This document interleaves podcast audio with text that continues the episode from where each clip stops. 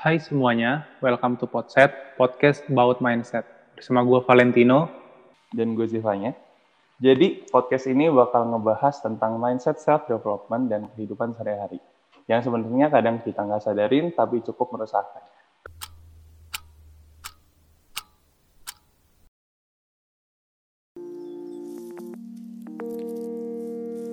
Episode kali ini gue mau ngebahas tentang takut membuat keputusan. Apakah lo pernah merasa takut untuk mengambil keputusan? Apakah lo sering ragu-ragu menentukan pilihan yang tepat dalam hidup sehari-hari?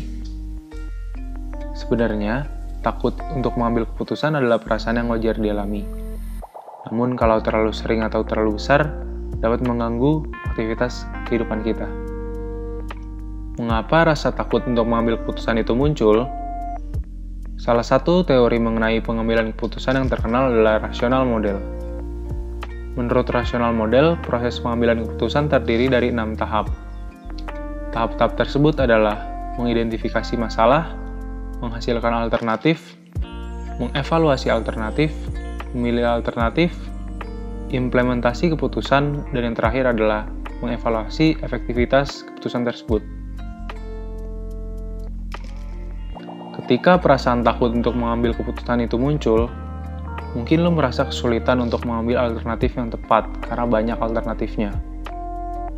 Banyak orang yang merasa takut untuk menerima konsekuensi ketika mereka melakukan kesalahan, sehingga mereka mengalami kesulitan untuk memilih sebuah keputusan. Takut salah lah, takut gagal, takut dijudge orang, dan lain-lain. Tidak ada yang bisa menjamin bahwa pilihan kita pasti akan menghasilkan sesuatu yang baik. Nah, ketakutan ini tuh muncul karena adanya ketidakpastian. Maka dari itu, rasa takut untuk mengambil keputusan ini sungguhnya lebih tepat dikategorikan sebagai kecemasan karena yang dikhawatirkan adalah sesuatu yang tidak real dan belum tentu terjadi. Gue akan berikan lo analogi. Coba dengerin baik-baik ya. Setiap orang ingin selalu membuat keputusan dengan benar. Kalau diibaratkan dengan pertandingan bola, lo tuh sebagai pelatihnya lu selalu ingin clean sheet alias nggak kebobolan.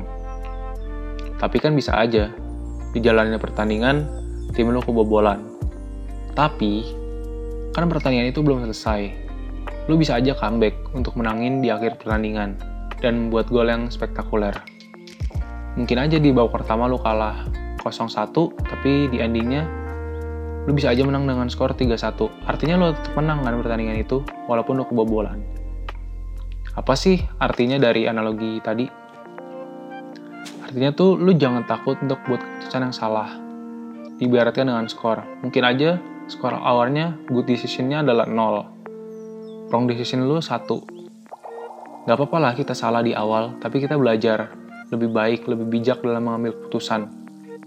Yang penting kan skor akhirnya. Tapi kan skor akhirnya yang tadi gue bilang, akhirnya 3-1. Kita tetap menang, walaupun kita pernah buat keputusan yang salah.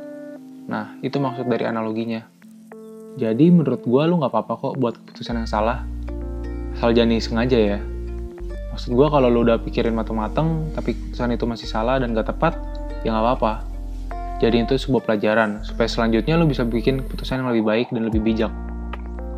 Selain itu, untuk mengatasi ketakutan membuat keputusan ini, lu juga bisa buat analisis pro dan kontra tentang semua opsi yang ada apakah keuntungan dan kerugian yang mungkin akan dialami jika memilih pilihan tertentu. Hal ini tuh dapat membantu kita menentukan pilihan yang tepat berdasarkan pertimbangan yang matang. Jadi itu aja pembahasan untuk episode kali ini. Kalau kalian mau request topik, bisa DM kita di Instagram kita at Valentino Rivaldo dan at zevan.ell. Thank you bagi yang sudah mendengarkan. Semoga kalian suka dan semoga Episode kali ini bisa bermanfaat bagi kalian dan jangan lupa share this podcast to your friend. Cabut dulu ya. Bye.